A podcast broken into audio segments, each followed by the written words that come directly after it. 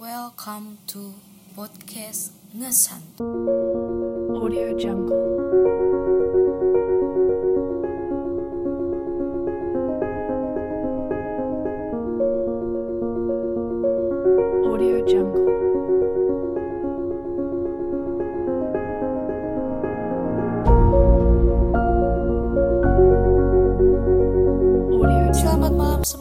Balik lagi ke podcast Ngesantuy, ngobrol santuy. Malam ini eh, bersama gue Dianti Zilda, gue bakal nemenin kalian selama waktu yang tidak ditentukan. Podcast ini sangat menginspirasi serta mengedukasi untuk para pendengar. Tentunya di sini enjoy aja. Dan buat para pendengar, stay tune.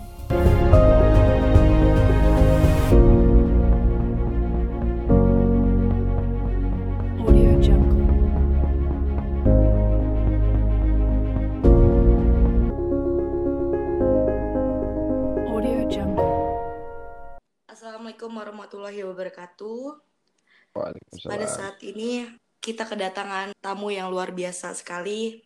Ya langsung aja Bang Aidil. Ya, halo semua. Assalamualaikum. Eh, Aidil ya, temannya Dianti. Dan ya di kita recording ini sebenarnya lagi puasa Ramadan yang ke-25 ya. Dan dia nggak berasa banget puasa tahun ini. Bener. Nah, Bang Aidil sibuk apa aja nih Bang? Eh, saya sekarang sibuk menunggu beduk azan maghrib ya sebenarnya. Yang pertama. Yang kedua saya lagi kuliah magister di Universitas Indonesia. Jurusan apa nih Bang Eh, jurusan teknik elektro. Waduh, serem banget. Mantep banget nih. Eh, S1 S2 teknik eh, gaweannya nulis buku puisi. Oh, saya rasa bisa-bisa aja ya. Selama kita memang suka, ya saya rasa nggak ada yang nggak bisa. Dan kuliah dianggap sebagai apa ya, tempat mengasah otak aja. Maksudnya kalau kuliahnya, Eli kemarin sempat berpikiran nggak ngambil teknik lagi kan. Mm-mm. Tapi di satu sisi ya itu rasa itu cukup challenging dan kayaknya Indonesia butuh lebih banyak teknokrat gitu. Bener-bener. Soalnya kurang juga sih Bang di sini kan tenaga-tenaga seperti itu. Betul betul betul betul. Tenaganya kurang, gibahnya banyak kan. Ya. Bener banget sih Bang. Nah, yang dilakukan Abang selain kuliah online pada saat COVID ini gimana Bang? Hmm, selain kuliah online, menguliahi orang secara online. Wis. Nggak menguliahi, ya, mohon maaf. Eh, sharing-sharing secara online gitu kan. Terus eh, memasak, kemudian membuat beberapa konten-konten yang juga jadi bagian dari eh, bisnis yang kita kembangkan. Dan selebihnya ya banyak-banyak membaca buku saya rasa. Karena emang dari sana saya senang membaca. Wis.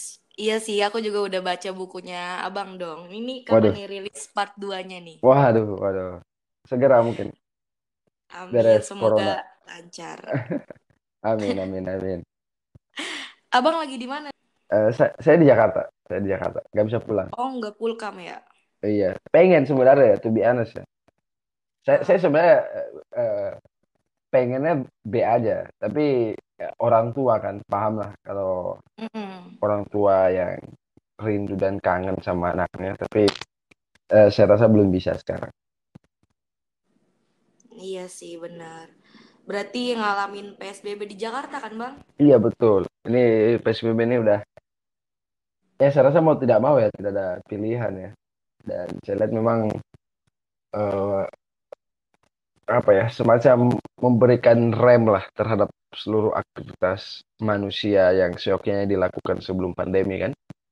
Mm-mm. Di jalanan kayak nggak tahu ya, tapi karena Idol jarang keluar ya, mungkin hampir selama satu bulan ini mungkin keluar cuma dua atau tiga kali gitu. Cuma kalau emang waktu yang mendesak aja ya, Bang. Mm-mm. Tapi memang dari pengalaman yang waktu keluar emang ngeliatnya sih sepi ya Mm-mm. begitu tapi ya wallahu alam semoga keadaan segera membaik Amin. Nah, Abang kan yang aku tahu gitu orang yang sangat apa ya menurut aku yang paling diinspirasi banget kan menjadi inspirator atau apa gitu kan. Ampun. Nah ini serius Eh, bang siap, karena kan banyak yang mungkin aku kenal dari abang kan waktu LKK itu kan. Betul. Nah dari situ tuh aku terinspirasi lah buat terus maju gitu.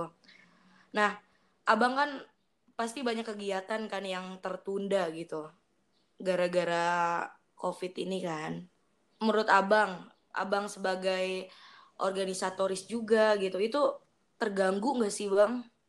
Khususnya di HMI sendiri gitu. Jadi menurut saya pertama begini kita harus eh apa ya bahasanya? Mendefinisikan gangguan itu sendiri kan. Eh, kita harus mendefinisikan kembali gangguan itu. Dalam artian gangguan kan menurut Aidil tergantung perspektif ya. Mm-mm. tergantung perspektif seseorang. Apabila ada sebuah fenomena dan dia rasa tidak menguntungkan buat dia mungkin dianggap itu gangguan. Tapi kalau ada satu fenomena yang pada akhirnya bisa dia overcome pada akhirnya kan bukan menjadi gangguan lagi. Mm-mm. sebenarnya message Aidil mau bilang begini. Kita kan Aidil rasa di masa pandemi ini memiliki banyak beban mental kan seperti yang tadi pertanyaan Dianti kan Eh, banyak gangguan ada yang tertunda agenda aktivitas dan lain tapi bagi Aidil dengan memikir-mikirkan itu sebagai gangguan dan sebagai beban itu tidak akan membantu kita dalam hal apa pun. Itu Mm-mm. tidak akan merubah kenyataan tidak membuat kita jauh lebih produktif tidak membantu kita untuk cepat meraih tujuan yang kita inginkan. Jadi terlepas dari semua fenomena pandemi ini ya saya rasa sudah cukup gitu eh, memposisikan diri kita sebagai victim di tengah-tengah situasi. Ini itu adalah realitas yang harus kita terima dan sekarang dengan kondisi seperti ini apa yang bisa kita lakukan? Karena Aidil percaya kalau sebenarnya orang itu selalu melihat suatu hal dari sisi positifnya misalnya pasti akan nemu juga. Kayak let's say mungkin sebelum pandemi kita tidak punya banyak waktu untuk banyak-banyak eh, membaca atau membentuk kebiasaan tertentu atau merefleksikan arah dan tujuan hidup sekarang kita punya eh, banyak waktu. Mm-mm, benar. Apalagi misalnya contoh kalau disadari sebelum pandemi ini kan sangat banyak waktu kita yang terbuang Eh, contohnya untuk berpindah dari satu titik ke titik yang lain. Gitu kan Hmm. misal dari rumah ke kampus dari kosan ke kampus dari kampus ke rumah. Itu kan bisa let's say kalau macet kalian sehari bisa habis di jalan sejam atau dua jam. Ya sekarang kan itu jadi surplus waktu kalian. Kalian tidak perlu berpindah lagi.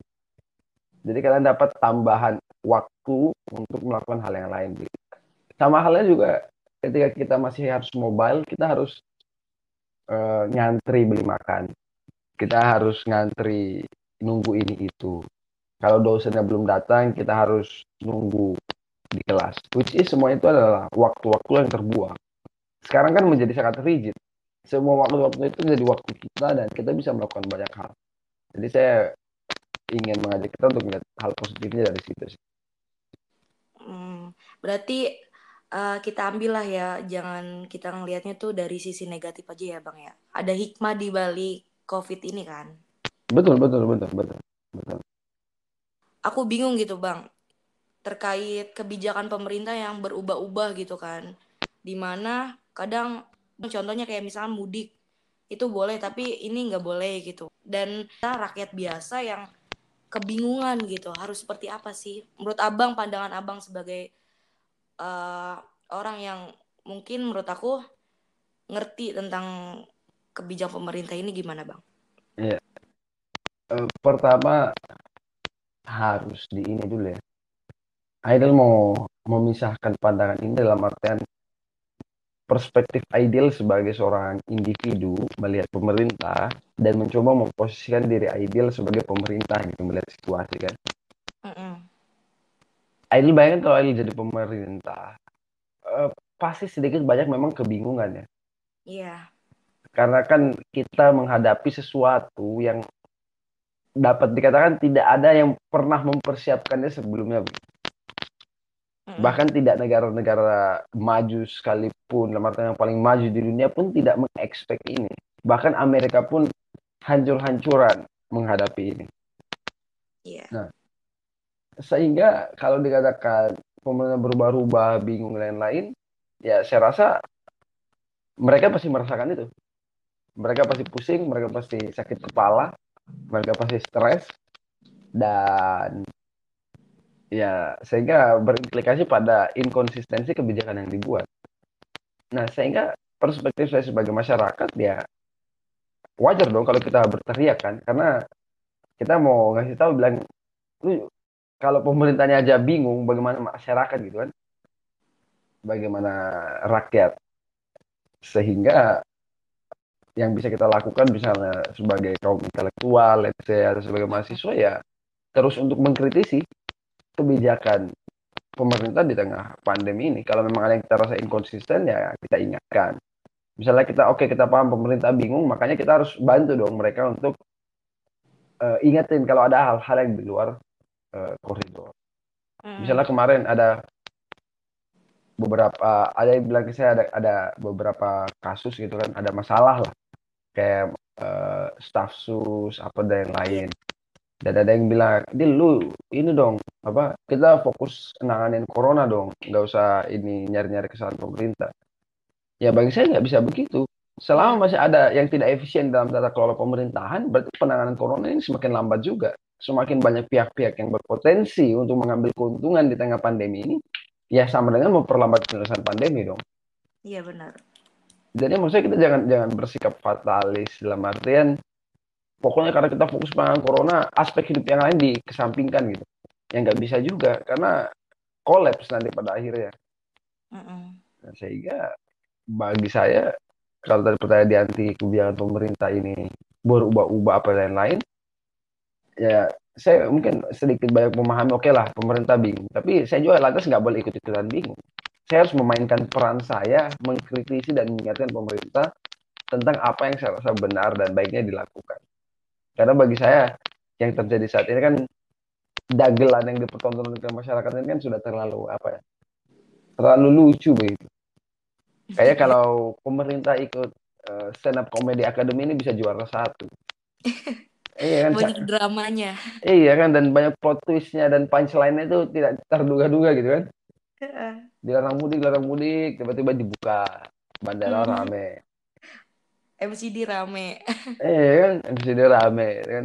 Kalau kata dokter Tirta ini orang berkumpul perihal ayam goreng kan. Jadi eh, ya itu saya rasa mau tidak mau perannya pemerintah. Kalau lantas ada yang bilang ini hal yang sebenarnya sangat umum ya, tapi saya rasa saya harus selalu mengatakan ini. Sering sekali ada orang yang bilang kalau kita kayak memprotes pemerintah gitu kan atau kita memprotes Iya. staf sus misalnya kan orang-orang bilang emang lu kalau jadi pemerintah atau jadi staf sus lu lebih baik gitu. Emang pencapaian lu apa? Nge-komentar-komentar pemerintah. Lu merasa lebih bagus gitu. Iya. Analogi saya yang sangat sederhana sebenarnya seperti ini. Let's say teman-teman pergi ke warung kopi gitu kan. Iya. Warung kopi, mesin kopi. Terus pas kopinya sudah jadi, teman-teman minum dan gak enak gitu. Teman-teman misalnya ya, ya wajar aja dong protes ke baristanya kan. Benar-benar. Mas kopi saya nggak enak, saya baunya gini gini gini. Masuk akal nggak tiba-tiba kalau baristanya bilang, eh emang kamu bisa lebih jago bikin kopi daripada saya gitu. Emang kamu tahu eh, apa saya ini sudah juara barista loh di mana-mana. Anda nggak berhak dong protes saya gitu. Emang kamu bisa lebih jago dari saya kalau bikin kopi. Ini kan jadi lucu kan. Mm-mm. Maksud saya ya ya begitu pula peran pemerintah gitu. Mereka memang jadi pemerintah dikasih amanah dan kita membayar untuk itu melalui pajak gitu kan. Jadi kalau kita protes ya ya bagi saya wajar. Dan kalau misalnya tadi analoginya kayak ke hal yang apa kayak barista tadi, bagi saya ngasih solusi itu bukan hal yang wajib. Saya nggak tahu apakah yang salah itu mesin kopinya ataukah gramasi kopinya kebanyakan atau airnya kurang panas. Tapi yang saya tahu kan outcome-nya itu nggak enak gitu. Jadi Mm. Saya nggak sama mengkritis pemerintah, mungkin kalau saya punya gambaran solusi mungkin bonus lah. Tapi itu tidak menjadi kewajiban yang lantas menghalangi saya untuk menyampaikan apa yang saya rasa tidak benar atau tidak enak atau tidak nyaman. gitu. Dan di sisi lain kan sekarang seakan-akan kita melihat uh, pemerintah sangat superior kan. Tidak saya hanya ingin mengingatkan kepada masyarakat bahwa semua power, kekuatan dan uang pemerintah itu ya dari kita kita juga. Jadi jangan terlalu merasa hina dina gitu di mata pemerintah gitu. Hmm, benar-benar. Gitu mungkin. Setuju sih Bang, karena kan ini udah jadi tugas dari pemerintah tersebut kan. Ibaratnya kalau misalnya bukan kita yang kritik, ya pemerintah bakalan asik-asik aja dengan apa yang ia lakukan kan. Abang nih sebagai generasi milenial kan. Betul. Nah, generasi milenial menurut abang pada saat ini tuh seperti apa sih bang pandangan abang gitu? Ya. Jadi sebenarnya saya tipe orang yang memandang generasi apa pun sebenarnya kurang lebih sama-sama aja dalam artian uh, sebagai seorang manusia, seorang individu punya apa ya, punya modal yang sama lah. Bisa berpikir, hmm. bisa bergerak, bisa bertindak dan lain-lain sebagainya. Tapi saya lebih senang mungkin mengklasifikasikannya menjadi generasi muda aja ya. Iya. Karena kan kalau berbicara terma generasi ini bergeser terus dan yang pada akhirnya tadinya generasi milenial lama-lama jadi tua juga gitu. Mm. Nah, saya rasa sebenarnya kalau anak muda, generasi muda kan dari setiap masa itu advantages-nya mereka keep up dengan uh, perkembangan terbaru. Mereka keep up dengan inovasi-inovasi terbaru, terutama dalam hal teknologi informasi. Mereka punya semangat, mereka masih nothing to lose gitu kan, masih tidak punya burden dan tanggungan. Sehingga kalau saya bilang peran milenial atau peran anak muda, ya satu pasti kalau berbicara tentang pandemi COVID ini bisa dalam dua hal. Yang pertama memang kita harus kontribusi di udara dan kemudian kontribusi di darat. Yang saya maksudkan di sini kontribusi di udara itu uh, melalui sosial media gitu kan. Yeah. Untuk apakah teman-teman menggalang donasi atau bantu orang sebar informasi tentang penggalangan donasi uh, mengajak orang untuk tinggal di rumah aja dan lain sebagainya. Saya rasa itu bisa dilakukan. Kalau yang di darat ya melakukan kontribusi uh, secara langsung. Dalam artian bukan turun harus ke jalan ya, tapi minimal mendonasikan uh, apa yang bisa dia donasikan. Saya rasa juga mungkin nanti yang dengerin kan ada yang saya kan nggak nggak nggak jadi tiba-tiba jatuh miskin lah ketika masih ngeluarin dua puluh ribu, tiga puluh ribu untuk ngasih donasi kan. Jadi saya rasa uh, dua hal itu. Tapi di sisi lain yang lebih spesifik lagi kalau anak muda bagi saya kembali lagi titik tekan saya adalah bagaimana kita uh, menjadi kelompok masyarakat yang sadar, yang bebas dan merdeka. Toh tadi saya bilang kita ini masih nothing tulus gitu. Kalau misalnya oke okay lah teman-teman sudah jadi PNS gitu kan atau pegawai negeri atau terikat di satu instansi sehingga teman-teman tidak berani mengkritik pemerintah karena uh, takut dipecat dan lain-lain ya it's okay lah itu saya hargai. Tapi buat teman-teman yang lain masih mahasiswa apa dan lain kan teman-teman belum terikat apa pun gitu. Hmm. jadi uh, diharapkan mampu terus uh, bersuara dan ya berkomentar aja. Kalau memang ada yang teman-teman rasa tidak uh, sesuai begitu. Tapi bukan dalam artian saya mendorong berkomentar kayak uh, apa ya menyebarkan hoax gitu kan atau komen kata-kata kebencian di TikToknya Remar gitu kan atau pelakor the word of married couples apa gitu kan. Mm. Jadi hal-hal yang lebih substansial. Begitu. Jadi eh, hal-hal yang positifnya lah ya kita sebagai generasi milenial tuh harus nyontohin yang baik ya bang. Betul betul betul. Betul. Uh, aku sendiri gitu bingung gitu kan harus seperti apa. Nah agar menjadi orang yang kreatif dan inovatif itu seperti apa sih bang? Khususnya kaum milenial sendiri gitu. Hmm. Uh, bagi saya begini, uh, saya yakin sebenarnya teman-teman semua uh, di anti juga hmm. sudah tahu sebenarnya apa yang harus dilakukan untuk jadi pribadi yang lebih baik. Karena setiap orang itu paling kenal dirinya sendiri kan. Saya yakin kita semua sudah tahu kebiasaan buruk apa yang harus kita tinggalkan, hal baik apa yang harus kita lakukan. Dan ya itu sudah lebih dari cukup saya rasa sebenarnya. Tapi ketika harus mendorong teman-teman ya saya hanya kembali bisa uh, mengingatkan bahwa hidup ini adalah perjalanan yang sangat sebentar. Saya jujur nggak berasa kayaknya kalau diingat-ingat kemarin kayaknya saya baru lulus SD gitu kan Iya benar sih. Iya kan teman-teman juga begitu kan. Kayaknya baru kemarin teman-teman uh, lulus SMP coret-coret baju gitu kan. Atau mungkin kalau diingat-ingat kembali, teman-teman ingat gak sih waktu masih kayak upacara bendera gitu kan di lapangan sekolah waktu SMP, eh, SMP atau SMA kan. Nah, Saya pun secara pribadi kalau diingat-ingat kayaknya saya masih ingat.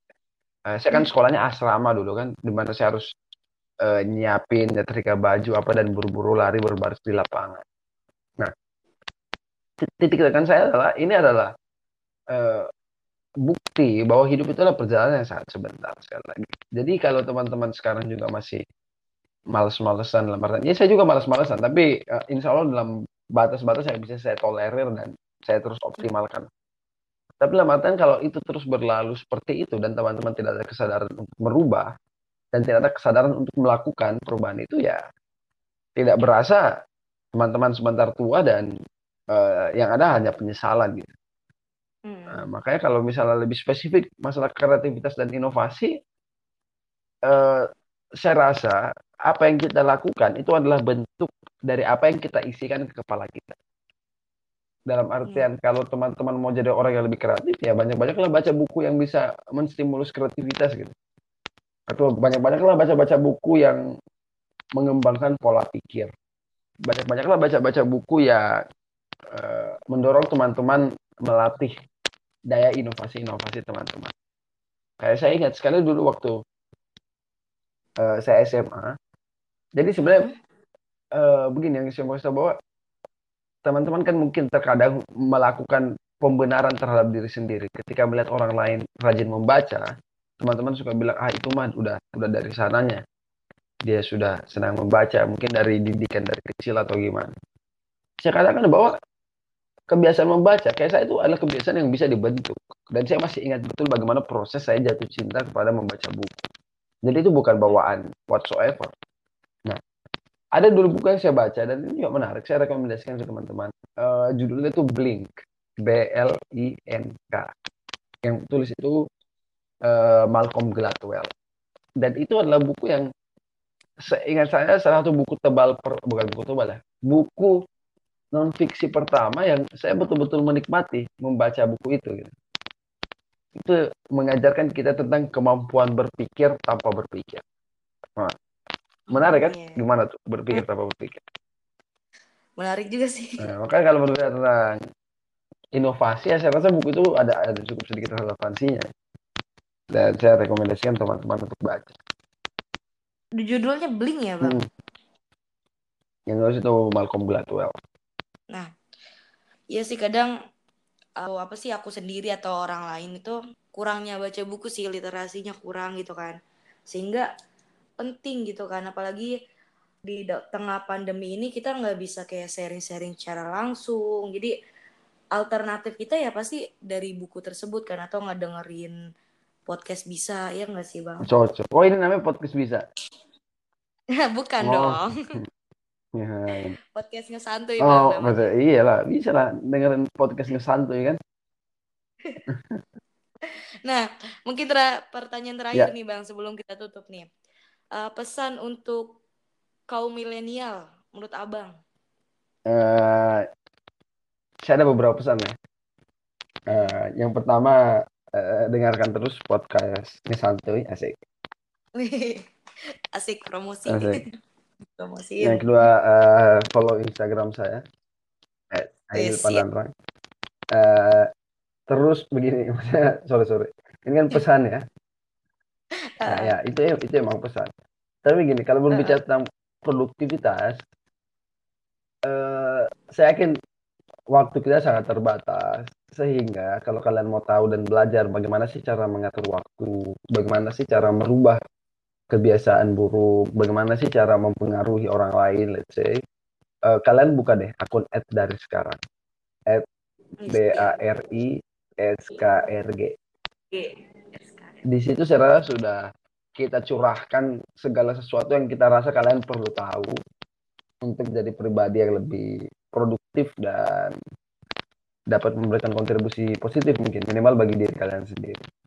Terus yang terakhir saya rasa eh, sekali lagi saya katakan bahwa hidup adalah perjalanan yang sangat sebentar. Kalian sudah tahu sebenarnya apa yang harus dilakukan dan apa yang tidak harus dilakukan. Jadi perbanyak melawan diri kalian sendiri untuk mendorong potensi kalian mencapai hal-hal yang jauh lebih baik dari diri kalian hari ini. Begitu mungkin. Mantap. Makasih banget nih Bang Aidil. Ini menurut aku ya luar biasa banget kan Abang mau nyempetin waktunya gitu karena ini ngerti gitu kan. Seperti apa gitu kan kita pada saat ini ya. Betul betul. Nah, mungkin itu saja. Makasih banget nih Bang sekali lagi. Siap. Baik, terima kasih banyak juga buat Dianti. Sukses terus pokoknya. Tetap semangat dan terus berkarya buat teman-teman di luar sana juga pokoknya semangat terus. Nah, Ya, siap. Mungkin itu saja eh, ambil positifnya, buang negatifnya dari podcast ini. Intinya cuma satu, jadilah eh, penonton atau pendengar yang baik sehingga kita bisa menginspirasi dan mengedukasi sekitar kita.